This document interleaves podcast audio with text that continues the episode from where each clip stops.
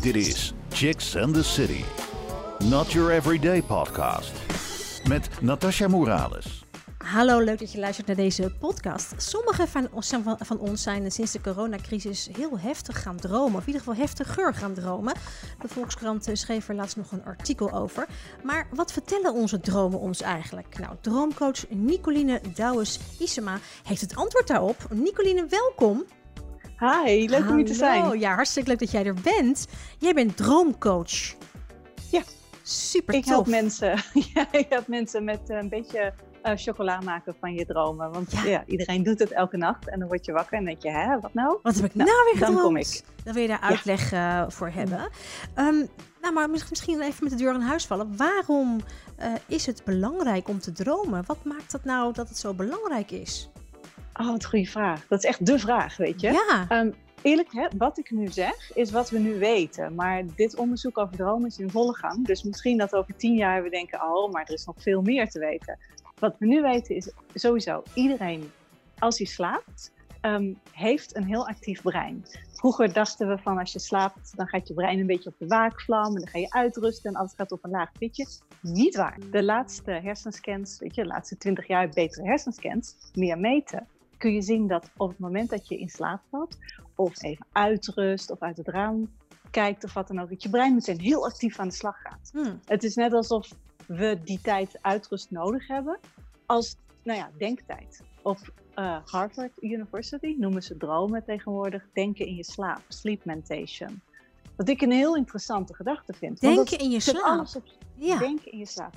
Het idee is dat denken eigenlijk een soort van dag en nacht doorgaat. En dat die slaap een moment is waarop je heel veel kunt verwerken, maar ook met al die verwerkte informatie aan de slag gaat. Het is net alsof al die focus op de buitenwereld even weghalen. Dan heb je tijd om naar binnen te richten, om je intuïtie volop te laten draaien. Je gevoel krijgt alle ruimte. Als je dat niet doet, mhm bijvoorbeeld als je mensen dat niet laat doen in een laboratorium, mhm. dan gebeuren er eigenlijk meteen de volgende dag al allerlei dingen. Je kan niks nieuws meer onthouden. Je kan je niet meer concentreren. Je wordt bloedzaggerijnig.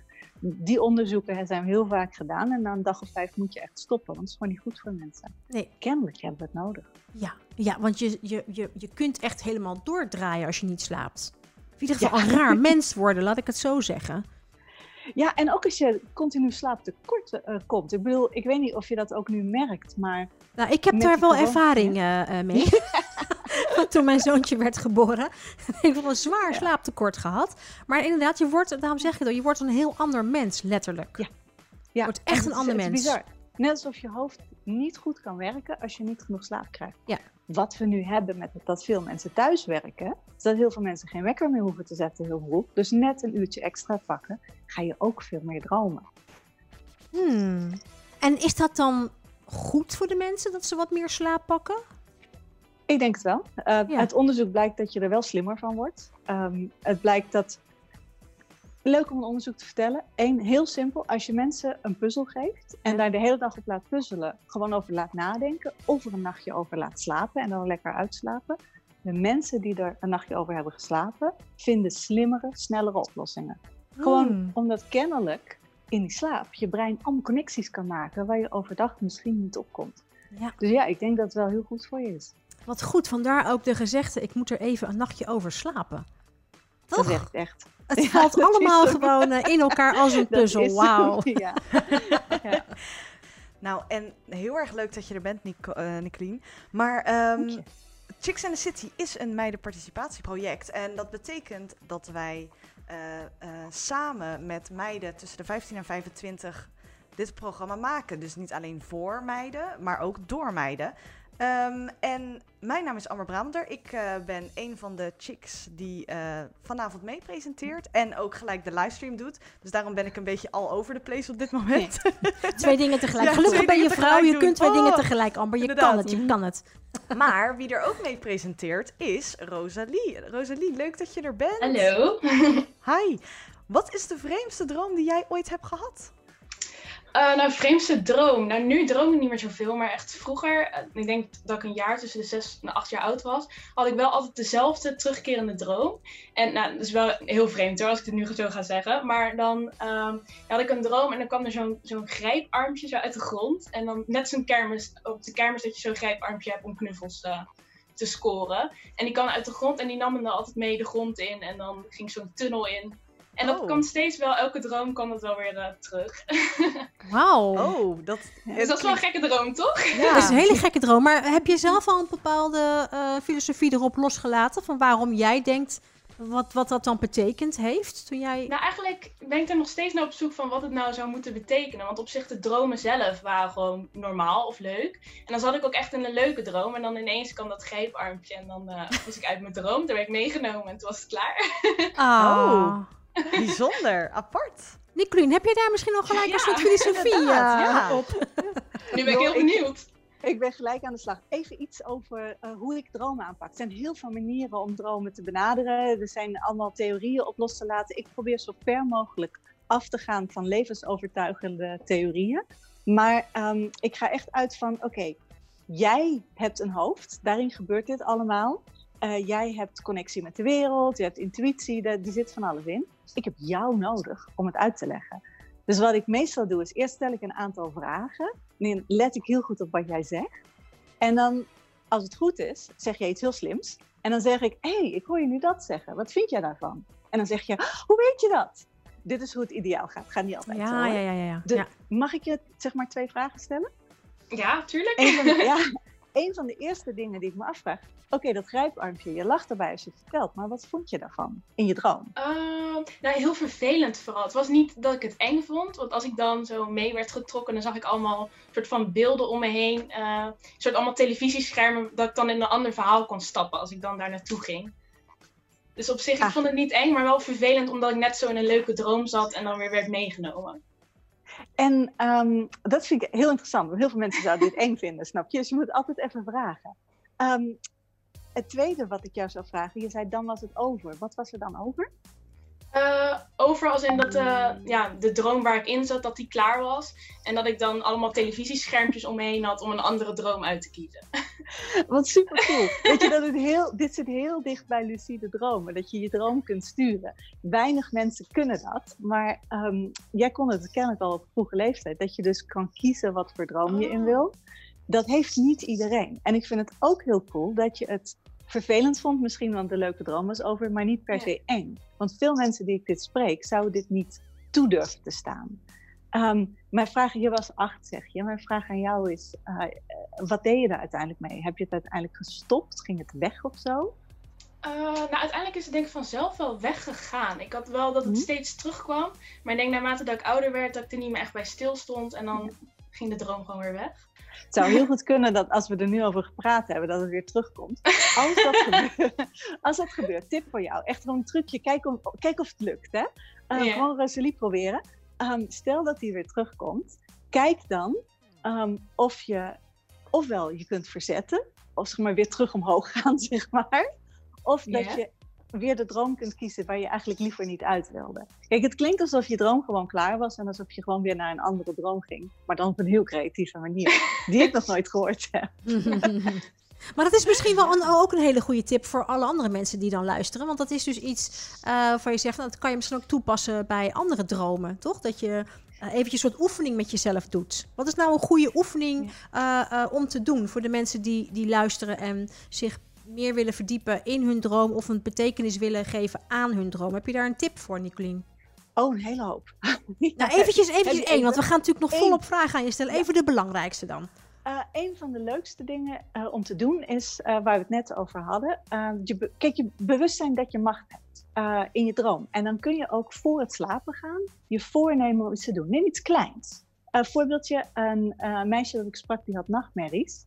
En toen zei haar moeder van, wat je dan moet doen is als je nachtmerrie hebt, gewoon het geluid uitzetten, alsof het de tv was. Ah ja. En dat deed ze. Want zij dacht van, ja, dat kun je met de afstandsbediening bij tv, dus dat kan ik ook met mijn droom. Dat is heel klein, dat is heel creatief bedacht. Maar dat kun je gewoon doen Mm. als je het wil. Hmm. Maar bedenk het zelf, want het is het allermakkelijkste als jij zelf op iets komt waarvan je Oh. denkt, hé, hey, maar dat zou ik willen veranderen. Ah. Als je dat van tevoren je voorstelt, is er een hele grote kans, zeker als je het voor het slapen gaan doet, dat je dat ook gewoon echt gaat doen in je slaap. Maar dat is wel een goede, zeker als het eh, nachtmerries betreft en kinderen, is misschien wel een goede tip. Mhm. Mijn moeder zei vroeger bijvoorbeeld dat ik een enge droom, zei ze van ja. En dan zei ik van, dat vind ik dan eng, maar dan weet ik niet of het echt is. En dat voelt zo echt. En toen zei ze van, nou, wat je dan moet doen, is dan moet je jezelf in je droom knijpen. En als je dan geen pijn voelt, dan is het een droom. En dan weet je dat een droom is, dan hoef je helemaal niet bang te zijn. kan niks gebeuren in de droom. Het is gewoon maar een droom. En dat heb, Hele ik toen, tip. dat heb ik toen gedaan. En inderdaad, doe ik nog steeds. In mijn droom, dan Ja. denk ik, ja, wat een gek verhaal is dit. Vind ik helemaal niet leuk. En dan knijp ik mezelf en dan voel ik niks. En denk ik, oh, ah, het is maar een droom. Dat heb ik inderdaad je ook. wat daar zo mijn moeder cool ook aan is? verteld, ja.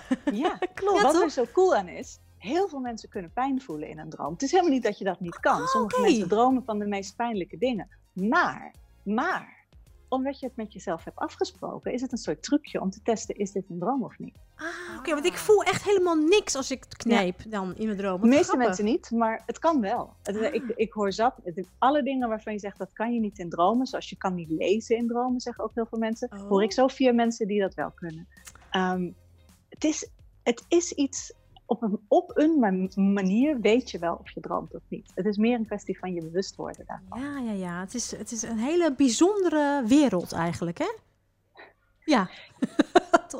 de, de droom wil. Ja, maar het is toch het is eigenlijk een hele andere, bijzondere, gekke wereld eigenlijk. Ja, nou, dat vraag ik me soms af. Want weet je, eh, wij, wij hebben dat er wel heel erg van gemaakt. Maar als je dan zo zegt dat je gewoon met jezelf kunt afspreken: oké, mijn droom voel ik geen pijn, dus dan knijp ik me.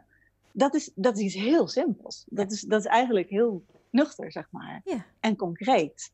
Dus misschien ligt het veel dichter bij onszelf dan we denken. Maar ehm, moeten we een beetje mee leren omgaan, zeg maar. Zoals je moeder je deed. Ja, ja, goede tip. Wij willen ook graag van jou horen. Daarom heb jij in Ask the Audience de mogelijkheid om vragen te stellen aan jouw favoriete Chicks and the City gast. Misschien wordt jouw vraag wel beantwoord in onze volgende podcast. We verloten wekelijks ook leuke prijzen onder de mensen die gereageerd hebben. Je kunt een toffe DVD winnen van de meiden van Chica Radio en een Chicks and the City lipbalm. Reageren kan. Ga naar Rijmond Chicks op Facebook of op Instagram. Chicks and the City Podcasts. Wil je weten wie er de volgende keer te gast is? Check het op chicksandthecity.nl. Je luistert naar Chicks and the City. En dan is eh, de volgende vraag voor Rosalie. Ja, Nicolien, jij bent dus droomcoach, maar wat houdt een droomcoach, ja, wat houdt het nu precies in? Houd je je dan alleen maar bezig met bijvoorbeeld negatieve dromen? Oh, supergoeie vraag. Nee, eh, zeker niet. Eh, dat is misschien 20% van de mensen die zeggen: Ik heb een nachtmerrie, help me er vanaf. Nou, gaan we het proberen. Wat ik dan doe, is heel vaak kijken eh, waar gaat de nachtmerrie over? Zit er misschien in de droom zelf informatie over iets wat je overdag heel erg nodig hebt? Eh, wat je jezelf heel graag wil vertellen. Meestal, als we daarachter zijn, dan ehm, ja, fix je het in je leven en dan houdt de nachtmerrie vanzelf op. Ehm, maar wat ik ook heel vaak doe, is mensen helpen met eh, ergens een nachtje over slapen, waar Natasja het net over had. Dat kun je ook expres doen. Stel dat je een probleem hebt waar je echt over na wil denken, maar echt serieus. En dan niet alleen een lijstje maken en voor's en tegens, maar gewoon met je hele gevoel erbij. Is slaap een ideale omgeving. Wat ik dan doe is van tevoren met iemand praten en dan de volgende ochtend dromen bespreken. Maar misschien zit er wel een heel goed idee in, wat je alleen misschien net niet snapt overdag. Dus dan help ik met die vertaling maken. En het derde wat ik doe, is uh, mensen die een bijzondere droom gehad hebben, die al lang cliënt van mij zijn, die sturen me dan een appje van ja, kan ik van de week even met je praten? Want het voelt belangrijk. Ik weet dat er informatie in zit, maar kan er net niet bij. Maar dan help ik om het, uh, om het even te verwoorden, zeg maar. Oké, okay, en uh, waarom, ja, waarom dromen we nu eigenlijk? Waanzinnig goede vraag. Maar je zou eigenlijk kunnen zeggen, waarom denken we? Want weet je, ja. het is bewustzijn is zo'n proces wat volgens mij de dag en nacht doorgaat. En uit elk onderzoek blijkt dat er eigenlijk maar heel weinig verschil is tussen hoe ons brein werkt in de slaap en hoe ons brein werkt overdag. Behalve dan dat je in de slaap alle ruimte hebt voor emotie en verbindingen maken waar je overdag misschien niet aan toe komt. Maar waarom we dat doen, ik denk meer van wat je daarmee doet. Dat verschilt van persoon tot persoon. Dus sommige mensen die heel spiritueel zijn overdag, zullen ook hele spirituele dromen hebben. Maar mijn vader bijvoorbeeld, die was altijd zo iemand van, als ik het bedenk, dan ga ik het meteen doen. Die droomde nooit. Maar die werd wel heel vaak wakker met een goed idee. En veel muzikanten die ik spreek, omdat ik veel radio doe, die zeggen van, oh ja, ik word heel vaak wakker met een liedje in mijn hoofd. Of, uh, een, uh, en dat schrijf ik dan snel op, want vaak is het de basis voor een compositie die ik ga maken. Nu je dit zegt, ben ik gelijk heel erg nieuwsgierig naar uh, mensen die bijvoorbeeld heel rationeel denken voor hun werk. Hebben die dan ander soort dromen dan mensen die echt heel creatief zijn, zoals kunstenaars? Daar is onderzoek naar gedaan. En in mijn ervaring wel, ja. Ook als ik mensen spreek, er is ook onderzoek naar gedaan, inderdaad. Mensen die heel creatief zijn en vooral met beeldende kunst bezig zijn, hebben dus ook dromen met heel veel beeld en hele verhalen. En inderdaad, mensen die wiskundig bezig zijn of, of in de IT zitten, vertellen mij meestal niet hele uitgebreide dromen. Maar wel hele praktische dromen dan. Oh, ik dacht dus juist misschien als je wiskundig bent, dat je dan s'nachts dan helemaal losgaat, omdat het creatieve brein dan helemaal de ruimte krijgt. Dat zou kunnen. Weet je dat er een Indiaanse wiskundige is? En ik ben zijn naam nu vergeten. Ik zou hem even op moeten zoeken. En die is heel beroemd geworden, omdat hij zei, ik verzin al mijn theorieën in de slaap. En hoef ze ochtends alleen nog maar op te schrijven. Dus dat was zijn manier van heel creatief zijn. Kijk, voor mij denk ik, wow, cijfers, kom, weet je, ik niet hè. Maar uh, inderdaad, ja, er zijn ook heel veel uitvindingen gedaan in dromen. Dus de creativiteit ligt maar net waar jouw eigen focus ligt, denk ik. En samen met uh, Katelijn heb jij een boek geschreven. Uh, wat heb jij gedroomd vannacht? Wat was voor jullie de reden om uh, dat boek te schrijven? Um, nou, eigenlijk um, ging ik naar een uitgever dat ik zei van... ik heb een heel goed Amerikaans boek over dromen, kunnen we dat niet vertalen? En toen zei de uitgever, ja, maar zoals jij erover praat, dat vind ik veel interessanter. Zo, kun jij niet zelf een boek schrijven? Maar ik kan helemaal niet schrijven. En daar kwam Katelijne bij, want zij is ontzettend goede journaliste. En zij kan heel, weet je, zij, zij kan alles. Ik kan het leuk vertellen, maar zij kan het leuk opschrijven. En daardoor zijn we samengegaan. En ons idee was eigenlijk, als wij nou een boek maken, waarin ik een beetje uitleg wat ik doe en, en vooral ook hoe ik het doe. Ik geef heel veel tips in dat boek. Dan kun je misschien ook zelf aan de keukentafel s ochtends met elkaar over dromen praten. En elkaar helpen. Net zoals dat je met elkaar praat als je een relatieprobleem hebt. Of als je denkt van kom maar even niet uit op mijn werk. Waarom zou je niet met elkaar over dromen kunnen praten? Waarom zou je dat per se voor naar een psycholoog moeten of zo? Ik zeg uh, power to the people en uh, weet je, doe het zelf. Ja, en waar komt jouw passie dan echt voor dromen vandaan? Dat je dacht, nu wil ik er echt verder in en uh, meer in verdiepen? Jij stelt echt goede vragen, dat vind ik heel leuk. ja, um, weet je, het is, het is er nooit niet geweest bij mij. Het was alleen, ik heb nooit over nagedacht dat ik daar mijn werk van kon maken. Ik was eerst uh, reintegratiecoach en vroeg mensen de hele tijd, wat is je droombaan? Hartstikke leuk werk. En ik heb ook allemaal andere dingen gestudeerd, dat ik dacht, ik had nooit het idee dat praten over dromen, dat het een vak zou kunnen zijn. Tot ik, ja, tot ik ineens dacht van, ik ik doe dat de hele tijd privé. Iedereen vraagt ook aan mij. Mijn moeder deed het vroeger ook altijd bij mij. Ik lees alles wat los en vast zit over dromen. En alle onderzoeken die er zijn, vind ik, waarom niet mijn vak ervan maken? Dus ja, dat heb ik toen maar gedaan. Nu zijn er wel veel psychologieopleidingen die ook dromen als uh, keuzevak hebben. Maar toen ik de opleidingen deed, was dat nog niet zo. Nee, en um, in jullie boek raden jullie juist ook aan om dromen die uh, vaak terugkomen, waar je lang aan blijft denken of waar je een sterke emotie bij hebt, om die te analyseren. Uh, waarom is nu zo de moeite waard om die dromen te gaan analyseren? Um, nou, ten eerste, ik, ik zeg waar je een heel sterk gevoel bij hebt om bij terug te komen. Omdat, net als wat ik overdag denk, niet alles is goud. Hè? Ik bedoel, uh, de, de meeste dingen die wij mensen denken zijn niet zo heel erg diepgaand of diepzinnig. Maar soms voel je echt van, oké, dit gaat ergens over.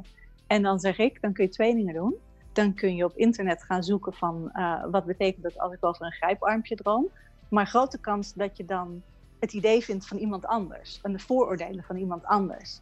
En dat vind ik dan jammer. Omdat als ik even met jou praat, Rosalie, dan komt er een heel ander verhaal uit dan het internet, dat jou helemaal niet kent, zegt. Daarom denk ik van, het is misschien beter om elkaar te helpen om die woorden te geven aan al dat nachtelijke gevoel wat je had. Want als je het moet uitleggen aan een ander, of als je het opschrijft, dan dwing je jezelf om er echt aandacht voor te maken. En om er ruimte aan te geven. En voor de mensen aan wie het verteld wordt, heb ik een hele hoop tips van hoe luister je echt. Hoe maak je ruimte zodat dat je iemand echt kunt helpen om zichzelf te horen praten en te denken: wow, wat ik nu zeg, dat is echt heel diep. Kun je zo'n tip noemen?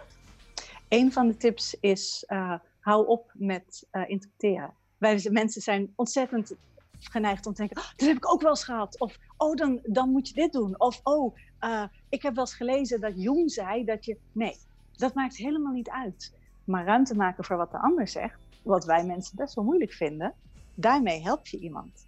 Een andere tip is bijvoorbeeld, ik heb even tien tips opgeschreven. let, op, uh, um, let op iemands emoties. Soms als, je, als iemand iets vertelt, dan zie je van hé, hey, maar daar ga je ogen op lichten. En dat woord, dat zeg jij de hele tijd. Wat ja. doe jij daarmee? Of hé, hey, als iemand bijvoorbeeld zegt, uh, ja, ik droomde over een kat, zo raar. Vraag eens gewoon van hé, hey, maar wat is een kat eigenlijk? Als ik dat nu aan jullie vraag, geef je alle drie een ander antwoord. En daar gaat het om. Mm. Dus iedereen geeft er een andere betekenis aan, aan wat je ook ziet. En voor de luisteraar help je iemand door vragen te stellen, dwing je iemand om te verwoorden. En heel vaak, al als iemand tegen mij aan het praten is, zegt hij van wow, wacht eens even. Maar hoe, hoe, hoe sta jij dan uh, tegenover al die um, droomuitlegdingen? Want je hebt op uh, websites kan je dan uh, opzoeken van nou, ik heb over een, een, een, zwarte kat gedroomd of zo. En dan komt er een hele uitleg van nou, als je over een zwarte kat droomt, dan betekent dat dat en dat en dat soort van standaard. Ja, dat je volgende week ruzie met je moeder krijgt. Ja, precies. Dus ik vroeg me af van um, ja, hoe zit het daarmee? Kloppen die dingen dan niet? Of denk je er gewoon anders over? Je vraagt hoe zit het ermee? Ja, ik heb heel, veel vragen. Ja. ja. Nee, heel goede vraag. Ja, ja, ja. Heel makkelijk te beantwoorden. Um, kijk, mijn mensen zijn niet zo heel erg verschillend. En de meeste beelden hebben we wel allemaal een huis. Iedereen weet dat dat is een ding waar je in woont. Dat, er zijn heel veel van dat soort beelden. Sommige mensen noemen ze archetypen. Um, van iedereen weet, oké, okay, dat is ongeveer die en die betekenis. Mm -hmm. Daar komt dat vandaan dat je dan denkt van oké, okay, we leven in dezelfde cultuur, we gebruiken dezelfde taal. Als je het hebt over ik heb te veel werk, wat zeg je dan? Mijn werk overspoelt me. Of ik heb te veel emoties, het overspoelt me. Dus het is niet zo raar dat heel veel mensen, als we het over emoties hebben, als je dat overdag de hele tijd zegt, ook in je slaap water gaat gebruiken. Dus wat lees je dan? Mm. Water staat voor emoties. Maar wat als jouw vak Olympisch zwemmer is? Dan misschien even niet, hè? Mm -hmm. En daar gaat het voor mij om. Dat ik denk, zelfs al snap ik de kern van waarheid, ten eerste is het super algemeen. Wat zegt dat dan over jou persoonlijk? Helemaal, ja, vrij weinig. En ten tweede, is opgeschreven vanuit het perspectief van degene die het opgeschreven heeft. Mm. En dat kan jou heel erg wegbrengen van jezelf.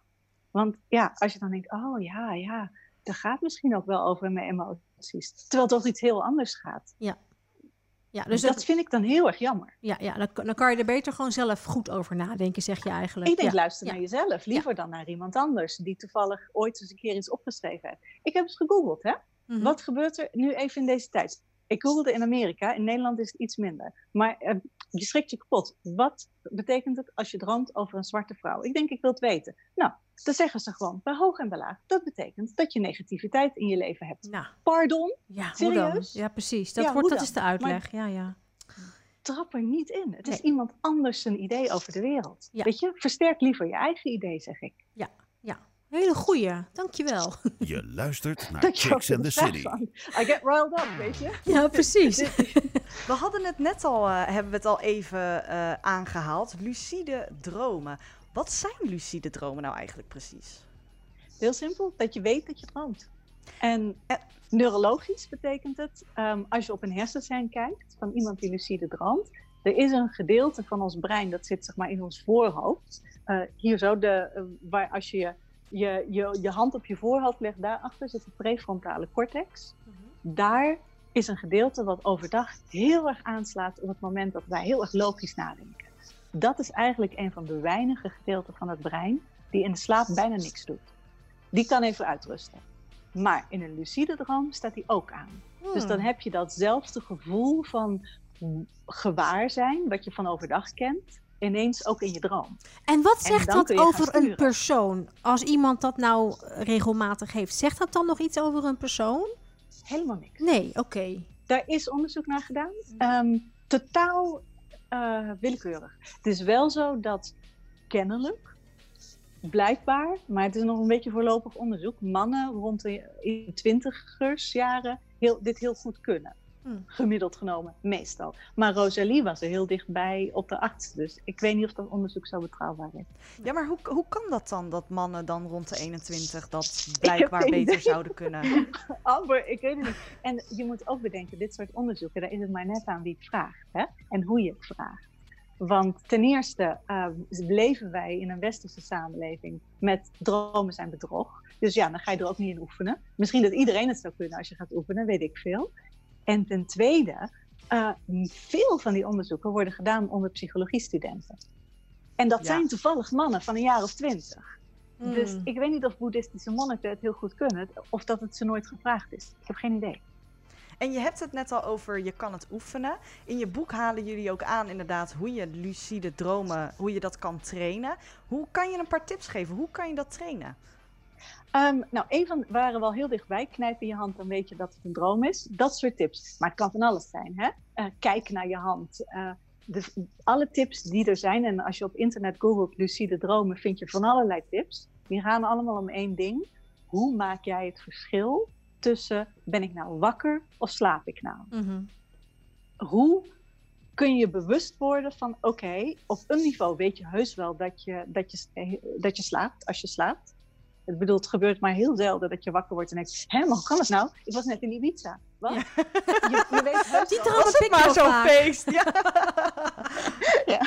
ja. Maar um, het, het, uiteindelijk uh, gaat het meer om dat, om dat gewaarzijn trainen. Ik moet je zelf zeggen, ik was er goed in toen ik uh, zo inderdaad een jaar of 18 was. Maar ik heb het nu weer helemaal losgelaten. Want in het begin is het echt een kick van, oh, ik droom en ik kan het sturen. En dan ga ik dit doen, dan ga ik dat doen. Maar ik vind eigenlijk het veel interessanter om te laten gebeuren wat er gebeurt, weet je. Mm -hmm, Want ik stuur ja. overdag al zoveel. Dus oh. ja, dat is ook een keus. Maar is, het, uh, uh, is, dat, is die manier van dromen dan goed? of niet goed. Of gewoon, ik bedoel, ja, het is wel een, een, bepaalde manier van dromen. Ja, ik weet niet. Ik vind het zelf vermoeiend. Dat, ik, dat komt omdat ik een hersengedeelte gebruik, denk ik persoonlijk, dat eigenlijk rust nodig heeft even. Maar er zijn ook mensen die vinden het alleen maar superleuk. Dus dat mm. daar zijn we nog niet uit. Dat is nog een beetje armpje drukken in de, in de wetenschap. Weet je, dromen op dit moment worden onderzocht op universiteiten over de hele wereld. En elke keer ontdekken we weer iets nieuws. Dat is het Op leuke dit moment ervan. zou ik... Ja. ja. ik zou niet durven te zeggen of het dan goed of niet is. Ik vind het heel vermoeiend. Maar sommige mensen vinden het juist superleuk. Mm -hmm. Ja, en je had het net ook over bijvoorbeeld dat muzikanten wakker worden met een melodie in hun hoofd die ze dan later kunnen gebruiken voor een liedje. Maar kan je bijvoorbeeld ook vaardigheden oefenen in je droom? Ik ben bijvoorbeeld aan het leren basgitaar te spelen. Kan ik dan in mijn droom gewoon denken van, oh hey, ik ga even basgitaar spelen? nou, nou, nou, ik ben dus net een boek aan het lezen. En er is een heel hoofdstuk over sporters, waar de trainers ze serieus, topsport, hè, visualiseren, dan weten we dat helpt. Dus als jij basgitaar spelen visualiseert, dan oefen je ook al. En dat dan voor het slapen gaan doen, zodat je hoopt dat je er de hele nacht mee doorgaat. En mensen die zeggen, ja, ik heb in mijn, in mijn slaap getraind, die zijn inderdaad de volgende dag net even iets beter dan de controlegroep. Maar die komen ook af en toe op manieren van, hé, hey, maar als ik nou zo doe, of als ik het nou zo, als ik de, de, deze zwemslag net even in mijn hand, misschien gaat het dan wel beter. Want in mijn droom droomde ik dat ik dat deed en iedereen juichte. Nou, dan probeer het overdag uit. En soms werkt het. Oh, nou, dat ga ik dan zeker proberen. Ik ben daar niet zo goed in. Maar sommige mensen zijn er heel goed in. Dus zeker doen. Ja, ik heb het wel eens een keer in een droom gehad dat ik dus droomde dat ik dus uh, uh, heel goed was in het besturen van een helikopter. In mijn droom kon ik gewoon een helikopter. Ik snapte het helemaal. Ja, en ik begreep al die knopjes. En ik begreep het allemaal. En ik werd wakker en toen wist ik het nog steeds. Maar het ging helemaal zo langzaam zo weg. En ik denk, hé, ho, ho, ho. Ik kan een helikopter besturen. Ik kan een helikopter vliegen, ja. Hallo, waar bleef niet weggaan? Dus de, ja, ik weet al. ik van, nou ja, misschien... Uh, het slaat nergens nou, op natuurlijk. Ik heb nooit een helikopter gezien. Dat zeg je. Maar het zou ook nog kunnen zijn dat ergens op de wereld iemand droomde van, nou, ik droom van een vrouw en ik was haar aan het leren helikopter te besturen. Zo raar. Ja, maar ik hoefde niks te leren. Ik wist alles al, Nicolien. Dat is het hele punt. Ik wist het gewoon. Ik kon gewoon zo opvliegen. Ik kon gewoon weg. Het was, het was heel Ah, bizar. Supercool. Ja, het was, Supercool. heel, het was erg cool inderdaad. Je, vroeg net waar komen dromen vandaan. Er zijn ook hele theorieën dat we elkaar inspireren in dromen. Of eh, dat dromen, zeg maar, in sommige culturen is dromen een werkelijkheid die de dag en nacht doorgaat. Waar je dan in je slaap instaat en dan overdag weer uitstaat. Ja. Eh, dit zijn debatten, daar vind ik heel moeilijk om aan te gaan. Want dan komt het wie heeft gelijk. Ja, En ik denk, eh, geef het een jaar of veertig en dan denken we, wow, er is nog zoveel dat we nu niet weten. dat Dus, kan ik me eh, wel voorstellen. Ja. Ja. Ja, nu je het zegt trouwens, Natasja, ik zeg wel, ik was daar niet zo goed in, maar ik heb jaren gedroomd over autorijden. En Mhm. de eerste droom kon ik er niks van. Mhm. En op een gegeven moment, na een jaar of tien, was ik er heel goed in. En toen dacht ik, nou, dan moet ik mijn rijbewijs maar eens halen. En dat ging ook in één keer, ging super snel. Gewoon in, in één Oh, keer rijbewijs wauw. gehaald. Wat goed. Geen probleem. Maar ik had het in mijn droom al tien jaar geoefend. Je luistert naar Chicks and the City. Zo, leuk dat je luistert nog steeds naar Chicks and the City. Sommigen van ons eh, zijn sinds de coronacrisis meer en heftiger gaan dromen. Maar eh, wat vertellen onze dromen ons eigenlijk? Droomcoach Nicoline Douwes Issema heeft het antwoord. Nicoline, leuk dat je er bent nogmaals. En ehm, de Hi. chicks hier in de studio, nou studio, virtuele studio, eh, die hebben allemaal vragen voor jou natuurlijk. En dat zijn Rosalie en Amber. En de volgende vraag is eh, van Rosalie. Ja, je, je werknemers laten praten over dromen om zo het bedrijf intern sterker te maken. Dat klinkt een beetje vreemd, maar over jullie, eh, in jullie boek schrijven jullie dat dat eigenlijk een soort management tool is. Kun je daar wat meer over vertellen? Ja, eh, absoluut. Ehm, het, het, het is ook een beetje eh, nieuw voor veel mensen. En het is ook een beetje eng. Want weet je, als mensen hun dromen vertellen, je voelt wel dat het een beetje persoonlijk is. Dus dat kan ook eigenlijk alleen maar met teams die, die elkaar goed kennen. Want eh, shit gets real, zeg maar, in dromen. Maar ehm, wat ik merk, we hadden het net over dat je op goede ideeën kunt komen ehm, in de slaap. En dat je wakker kunt worden met een goed idee. Wat in de praktijk heel erg blijkt, is als je met een team een aantal nachten focust op iets, dat je dan ook met z'n allen goede oplossingen kunt verzinnen.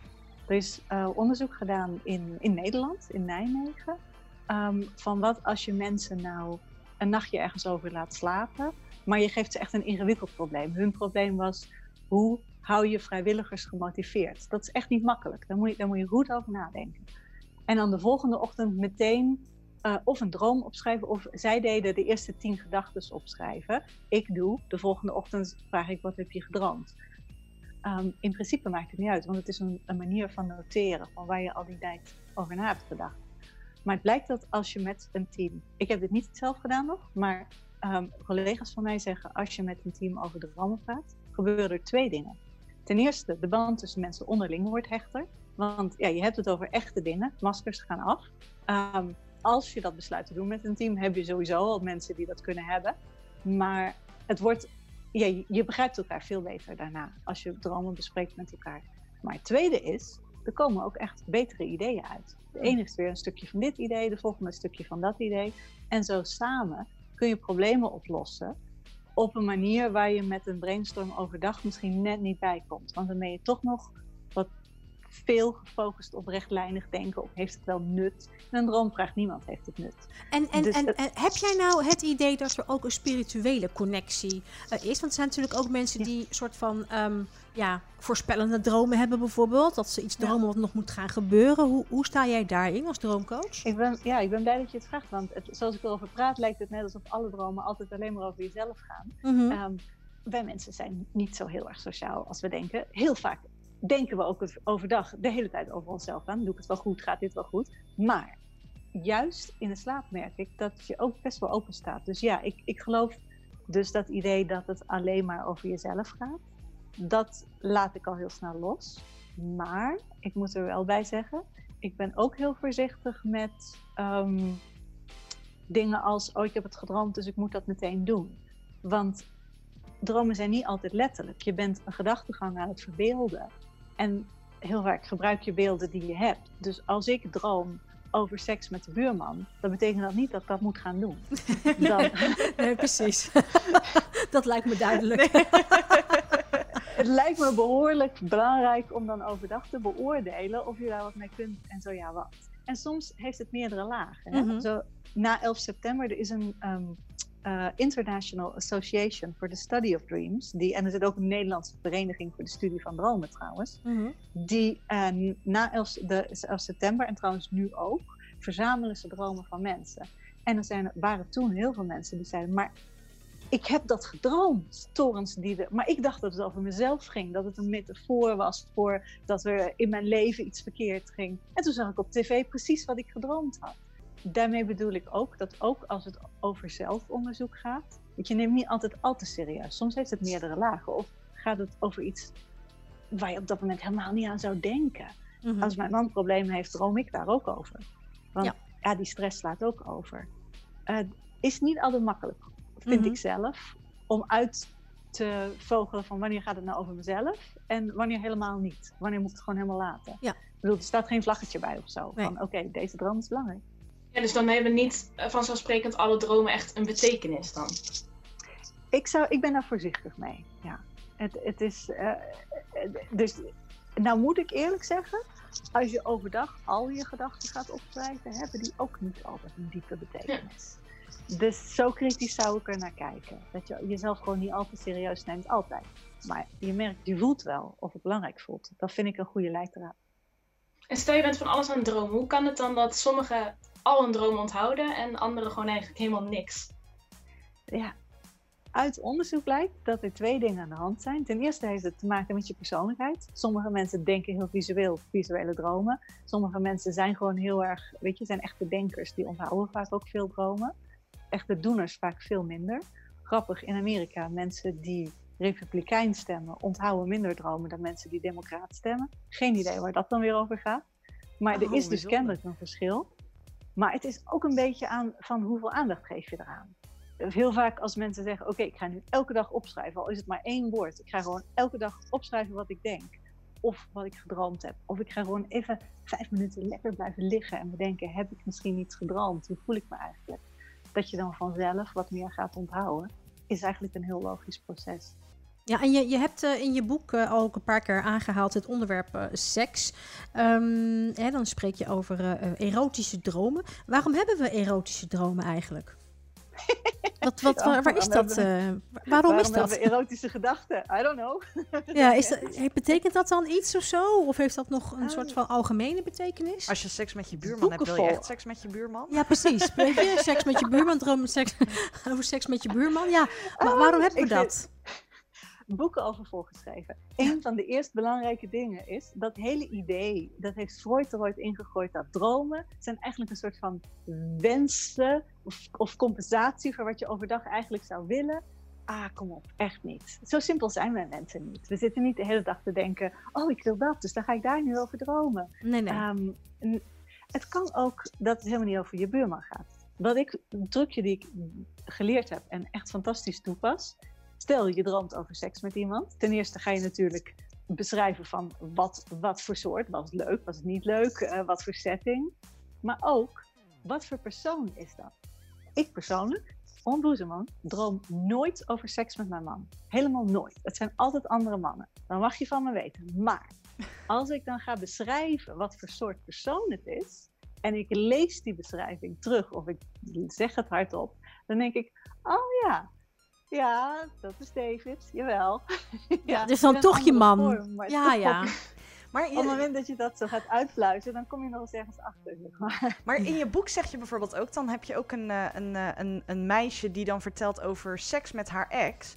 En dat ze gedroomd heeft dat ze seks heeft gehad met haar ex, maar dat ze zich daarvoor schaamt. En dat ze het ook niet aan haar huidige vriend durft te vertellen. Waar komt die schaamte vandaan? Waarom schamen wij ons over erotische dromen of seksdromen? Nou ja, Ik denk de seks met je ex is natuurlijk wel lastig. Dat zeg je niet zo snel tegen je partner, denk ik. Ja, maar het is niet gebeurd natuurlijk. Dus Nee, maar wel in je droom. Dus wat betekent dat dan? Dat gaat zo'n man dan ook denken van ja, eh, hallo. En omdat we honderd jaar van psychologen hebben die gezegd van ja, dat komt omdat je het stiekem wilt. Ja, Weer, weet je, laat niet oude witte mannen jouw droom bepalen. Echt serieus. wat een goeie. Oude witte mannen inderdaad. Jongen, jongen, jongen, jongen, jongen. Dat past ook weer mooi in deze tijd. als die vriend doorvroeg wat ik met haar gedaan heb, uh, het is wel het was leuk, want zij, ik vroeg van haar, oké, wat voor seks dan? Ja, hele lekkere seks. Eigenlijk veel leuker dan het toen was. Eigenlijk een beetje meer zoals het met mijn vriend nu is. Oké. En waar was het dan? Ja, in zijn oude studentenkamer. Heel vies was hij altijd, maakte nooit het bed op en alles was helemaal niet gezellig. Mijn vriend nu, die is zo gezellig, die zet kaarsjes neer en heel leuk en lekker wijntje erbij. Oké. En, uh, en uh, um, zijn er dan nog meer verschillen? Ja, allemaal verschillen, want toen, weet je, toen was het zo stom en nu is het zo leuk en toen was het zo stom. Dus ik, ben jij niet gewoon in de nacht aan het vergelijken geweest tussen die twee mannen? Dat het een beetje door elkaar loopt? Nou, zei ze, dat kan wel, want ik denk erover om met mijn vriend te gaan samenwonen. En ik vraag me af, weet je, we kennen elkaar nog niet zo lang. Moet ik het wel doen? Hmm. Maar als je er zo over aan het praten bent, Ja. dan zei ze, weet je, Ja. die ex, daar ging het heel erg mis mee. Maar alles is leuker nu. Waarom zou ik me laten tegenhouden door hoe het toen ging? Oké, weet je, dan gaat het daarover. Precies. Kom je ja. pas achter als je iemand aan het woord laat. Ja, ja, duidelijk. Je luistert naar Chicks and the City. Zeg het droom iets over je persoonlijkheid. Ik denk het wel, maar ik weet niet wat. Is er geen onderzoek naar gedaan? Er zijn zoveel onderzoeken gedaan veel, over maar- dromen, maar niet over of ze iets te maken hebben met je persoonlijkheid. Er Als jij het niet weet. Nicolina, weten wij het ook niet. Hè? Dat snap je wel, hè? Inderdaad, nee. een van de dingen, een van de dingen die we zeker weten is dat inderdaad je droomt een beetje zoals je bent en je droomt het meeste over waar je mee bezig bent. En dat kan heel confronterend zijn, hè? Ik bedoel, ehm, een van de dingen waar ik nu in deze tijd achter kom, iemand, een collega stelde mij die vraag, is een vraag die ik mij nog nooit gesteld had. Shame on me. Ehm, wat voor kleur zijn de mensen in mijn dromen? Eh, die zijn standaard wit. Waarom? Dat ben ik opgevoed. Kennelijk is dat de standaard Hmm. wil ik dat eigenlijk wel? Je droomt zoals je echt denkt. En dat is niet altijd leuk om te horen. Mhm. Maar daardoor leer je jezelf wel heel goed kennen. Dus ja, zeggen dromen iets over je persoonlijkheid? Ja. Maar de meeste onderzoeken die gedaan worden, gaat over als je dit soort dromen hebt, bedenk je dat. En zoals standaard onderzoek, volgens mij kan dat niet. Want volgens mij, net als denken overdag, is dromen daar veel te divers voor. En we hebben het de hele tijd ook over verschillende onderzoeken. We halen een aantal onderzoeken aan over dromen. Is eh, de kijk op dromen in de wetenschap door de jaren heen veranderd? Ja, heel erg zelfs. heel goede vraag. En dat Er is iets goeds, ja. ja. Er is een tijd geweest dat bijvoorbeeld uit, uit onderzoek bleek dat mensen altijd in zwart-wit dromen. Weet je wanneer dat veranderde? Toen er kleurentelevisie kwam. Zo, eh, toen ineens droomden mensen allemaal in kleur. Goh, wat raar nou. Ehm, er is een tijd geweest dat we dachten dat we alleen maar in de remslaap dromen. Is helemaal niet waar. Je kunt de hele nacht doordromen. Ehm, er is een tijd geweest dat we dachten dat dromen, zeg maar, eh, willekeurig gewoon naar neuronen die aan het vuren zijn en dan probeer daar maar een beetje een verhaaltje van te maken. Dat is ook niet houdbaar als je met betere hersenscans scans komt, omdat de hersenactiviteit zoveel lijkt op die van overdag. Is overdag ons denken dan ook willekeurig? Nou, dat zou je toch niemand willen horen beweren. Dus al die dingen, ook wat ik nu zeg, kan over tien jaar weer zijn van nou, dat ligt toch een beetje anders. Ja. Ontzettend veel ontwikkeling. En elke keer, is grappig, elke keer als er een nieuwe hersenscanner komt, komt er een hele golf van nieuwe droomonderzoeken en ook nieuwe ontwikkelingen. Nou, wat Oh, grappig ja. is dat. Dat dat dan eh, synchroon loopt. Inderdaad, interessant. Rosalie. Ja, wat ik me ook afvroeg is, er is natuurlijk veel werkstress en veel studiestress, waardoor we minder goed slapen. Eh, wat voor tips zou je kunnen meegeven aan iedereen die dit ervaart? Hmm, ja, en ook weer uit onderzoek blijkt dat als je eh, veel stress hebt, dan krijg je ook meer dromen, levendige dromen, meer nachtmerries. Ehm, dus het- dat maakt het nog lastiger om goed te slapen. Een van de dingen die ik altijd toepas als ik me ergens op voorbereid, is ik doe het altijd voordat ik kan slapen. Dus een dagje tevoren. Ik heb ook vandaag heb ik niks voorbereid, want dat heb ik gisteren allemaal gedaan. Zodat ik er een nachtje over kan slapen en het helemaal kan loslaten. Ehm, het is niet altijd mogelijk, maar als je ergens voor moet studeren, stel het dan niet uit tot de dag van je tentamen, maar de dag ervoor. Mm. Want weet je, die nacht slapen maakt dat je die informatie ook onthoudt. Het is beter om alles één keer door te lezen en dan te gaan slapen, dan het de hele nacht te blijven herhalen terwijl je wakker blijft. Want dan ben je de volgende dag helemaal niks meer waard. Kun je niet meer nadenken en kun je die informatie ook niet meer terughalen. Ja, want inderdaad ook, uh, bijvoorbeeld als je bezig bent met studie, dat ik dan merk dat je dan s'nachts helemaal vol zit en alles door je hoofd heen gaat van, uh, oh shit, ik had dat nog moeten doen en ik had dat nog moeten doen. Heb je daar dan nog specifieke tips voor, van hoe je dat helemaal kan uitschakelen? Oh, dat is heel moeilijk, want dat heb ik ook hoor. ja. ja. Uh, ik schrijf het op. Als ik denk, ik heb altijd een, een, een notitieblokje naast mijn bed, want dan is het uit mijn hoofd en op papier, dat helpt. Uiteindelijk moet je toch slapen, maar het is niet makkelijk hoor. Want wat ik ook heel vaak doe is, um, ik neem even een douche voor het slapen gaan. Dat brengt je lijf in rust en dan is het makkelijker om in slaap te vallen. En ik zorg weet je, dat mijn slaapkamer lekker rustig is, mijn bed lekker is opgemaakt. Allemaal van die dingen dat je denkt, oh, hotel, nu kan ik slapen. Ja, en wij kennen denk ik ook wel allemaal het gevoel dat je s ochtends nog lekker in je bed ligt. Nog met het idee van over een paar uur, ik heb nog een paar uur. En dat ineens je wekker afgaat omdat je er vroeg uit moet. Maar jij zegt juist uitslapen is goed voor je brein. Wat ik ben tegen, tegen wekkers. Ik ben helemaal tegen wekkers. Weet je, um, wekkers, ik snap het. Weet je, we hebben maar wel, wel afspraken en alles. Maar als je kunt uitslapen, en dan bedoel ik dus vanzelf wakker worden, dan heb je echt genoeg geslapen. En als je dat afkapt, uh, ik denk dat wij in een tijd leven met heel veel mensen die te weinig slaap hebben. Dus een soort van continu slaapgebrek. En een van de grootste symptomen is niet meer naar elkaar luisteren, geen empathie hebben en een heel kort lontje hebben. Nou, wat zie je de hele tijd over je heen?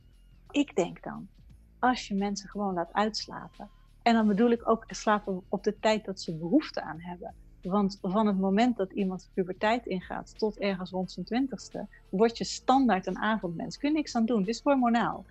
En dan moet je ochtends toch, je slaapt je pas om een uur of één, maar je moet toch je bed uit. Dat is vreed. Dat is echt helemaal. Dat is net zoals dat je volwassenen zegt: ja, we gaan van nu van elke ochtend om vier uur s ochtends opstaan. Dan houdt niemand vol.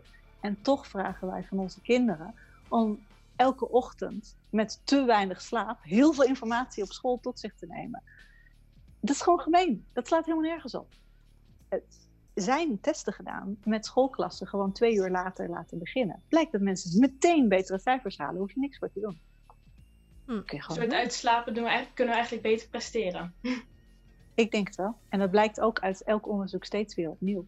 En door slaaptekort presteer je slechter. Als mensen tegen mij zeggen: ja, ik ben CEO van een groot bedrijf en ik slaap maar drie uur. Dan denk ik: Nou, dat gaat niet lang goed met jouw bedrijf. Dan hoop ik dat je een heel goed team om je heen hebt. Maar je gaat niet de beste beslissingen maken.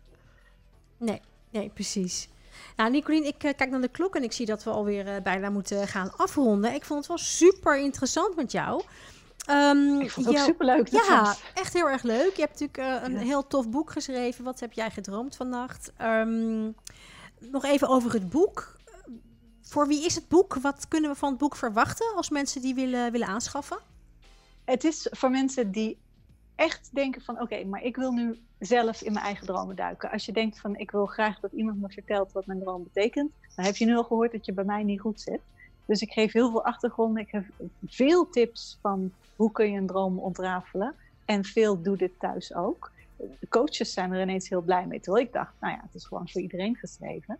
Ehm, veel mensen die zeggen tegen mij dat ze het boek leuk vinden. Dat mhm. zijn mensen die al best wel veel zelfkennis hebben en denken, nou wil ik die stap verder. Nou ga ik mijn dromen ook induiken, maar dan echt zelf. Het is uh, nou zeven jaar in de boekhandels geweest. Het is er nu net uit, dus, maar je kan nog bij mij bestellen. Dus uh, ik stuur het je gewoon toe. Komt goed. Ja, dus het is, het is eigenlijk gewoon voor iedereen die wat, uh, wat meer zelfkennis wilt als het gaat om uh, dromen en ja, hoe je die zelf kunt analyseren. Daarvoor is het eigenlijk of een heel. Met elkaar. Of met elkaar samen kunt doen. Is het eigenlijk een heel goed, goed boek. Ja. Ik ja. ben heel erg voor doe het samen. Ja. Want je kunt tegen elkaar nog eens zeggen: ja, dat zeg jij nou wel. Maar ik hoor je ook dat zeggen. Ja, je kan elkaar en... een beetje uitdagen, zeg maar. Hè? Precies. Ja, ja, ja, ja. Nou, goed, dankjewel. Voor. Dankjewel. Heel bedankt. En heel erg bedankt Amber en, en Rosalie voor de coole vragen. Dank je. Ja, Geen nou dank. zeker. Dank. dank. jullie wel, dames. Jullie hebben het inderdaad hartstikke goed gedaan, Rosalie en Amber. Dank je wel. Um, nou, nogmaals, uh, droomcoach Nicoline Douwes Isema van het boek Wat heb jij gedroomd vannacht. Dank je wel dat je hier aanwezig uh, kon zijn. Um, en natuurlijk de chicks die op de achtergrond hebben meegewerkt, die we niet hebben gezien, maar wel hebben kunnen meemaken. Als je hebt gereageerd op de livestream natuurlijk. Dat zijn uh, Ashanti en Sanne Sophie en volgens mij ook Suzanne. Ja, volgens mij heb ik Suzanne ook voorbij zien komen. Nou, ja. kijk, allemaal dames die nog achter de schermen ook van alles hebben uh, gedaan om deze livestream uh, en podcast mogelijk te maken. Mijn naam is Natasja Morales. Ik vond het heel erg gezellig met jullie allemaal. En tot de volgende podcast. Ciao! Chicks and the City. Volg ons op Instagram, Chicks and the City Podcasts. Like ons op facebook.com slash Chicks. De volgende show? Lees het op chicksandthecity.nl